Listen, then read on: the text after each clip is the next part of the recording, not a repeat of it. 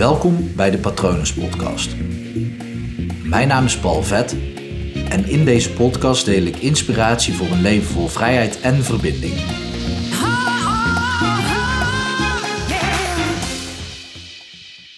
Als je de ander niet vertrouwt, dan vertrouw jij jezelf niet.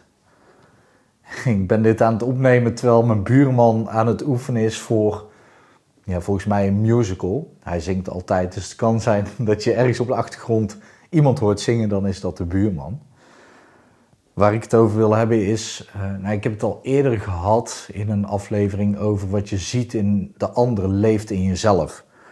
En dat geldt voor positieve dingen, maar dat geldt ook voor dingen die je als negatief zou kunnen bestempelen. Ik zeg niet dat uh, dat is, want dat is meteen weer oordelend. Uh, maar als je ik spreek soms mensen die dan best wel wantrouwig zijn naar de wereld, naar de regering, naar management, naar partners of eventuele partners. Eigenlijk naar heel veel mensen. En wat dan interessant is, is als je daar dan op zo'n manier naar kijkt, wat je in de ander ziet, leeft in jezelf. Op het moment dat je de ander niet vertrouwt, dan vertrouw je jezelf dus niet. Dan vertrouw je en ja, dat komt misschien hard aan hoor. De, misschien denk je ook aan de oppervlakte van, ja, dat is niet waar, ik ben wel te vertrouwen. Maar als je dieper graaft in jezelf, ben je dan ook echt trouw aan jezelf? Ben je dan daadwerkelijk altijd trouw aan wat je zegt en wat je doet? Hou je je vast aan je eigen kernwaarden? Hou je je vast aan waar jij voor staat, waar jij in gelooft?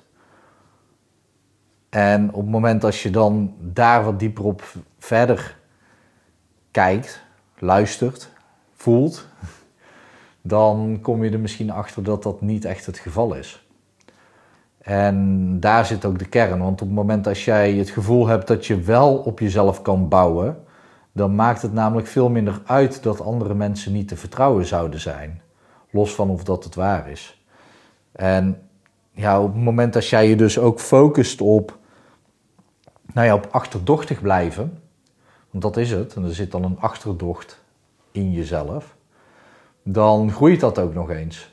Dus dat is een spiraal omlaag. En dat is zonde, want op het moment dat jij gaat zoeken naar de mensen waar je wel op kan vertrouwen, waar, ja, of de dingen waarop je kan vertrouwen, dat ook, dus dingen en mensen, dan, dan versterk je juist het vertrouwen. En dat werkt dan ook weer door op jezelf. Maar het begint bij jezelf. Dus dan komen we weer bij affirmaties uit. Dat is een krachtige methode om het zelf te doen. Uh, ik ben te vertrouwen.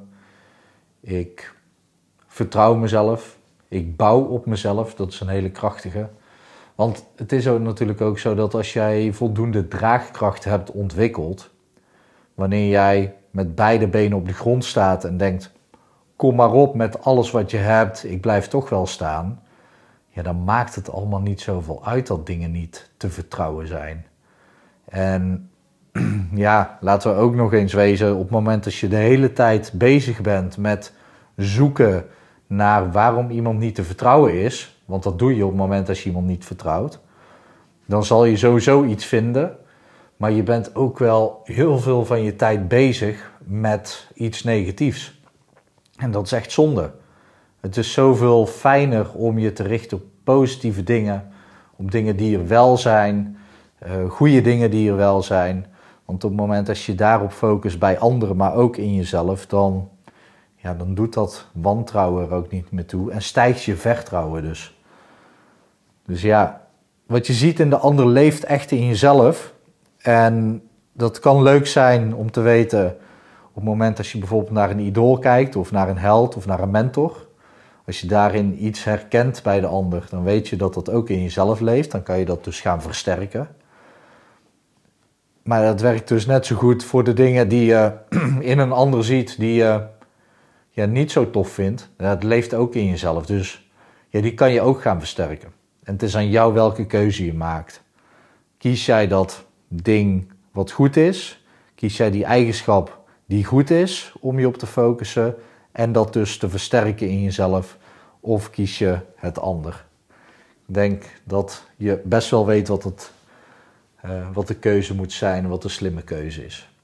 Goed, ik hoop dat het goed met je gaat. Ik hoop dat het goed met dierbaren van je gaat. Vind je het lastig om positief te blijven, vooral in deze tijd? Stuur me gerust een mail naar patronen.palvet.com en je kan natuurlijk ook kijken op www.hypnopal.nl om te zien wat ik voor jou kan betekenen. Laat het me vooral weten. Ik hoop dat je een fijne dag hebt en ik spreek je de volgende keer weer. Bye.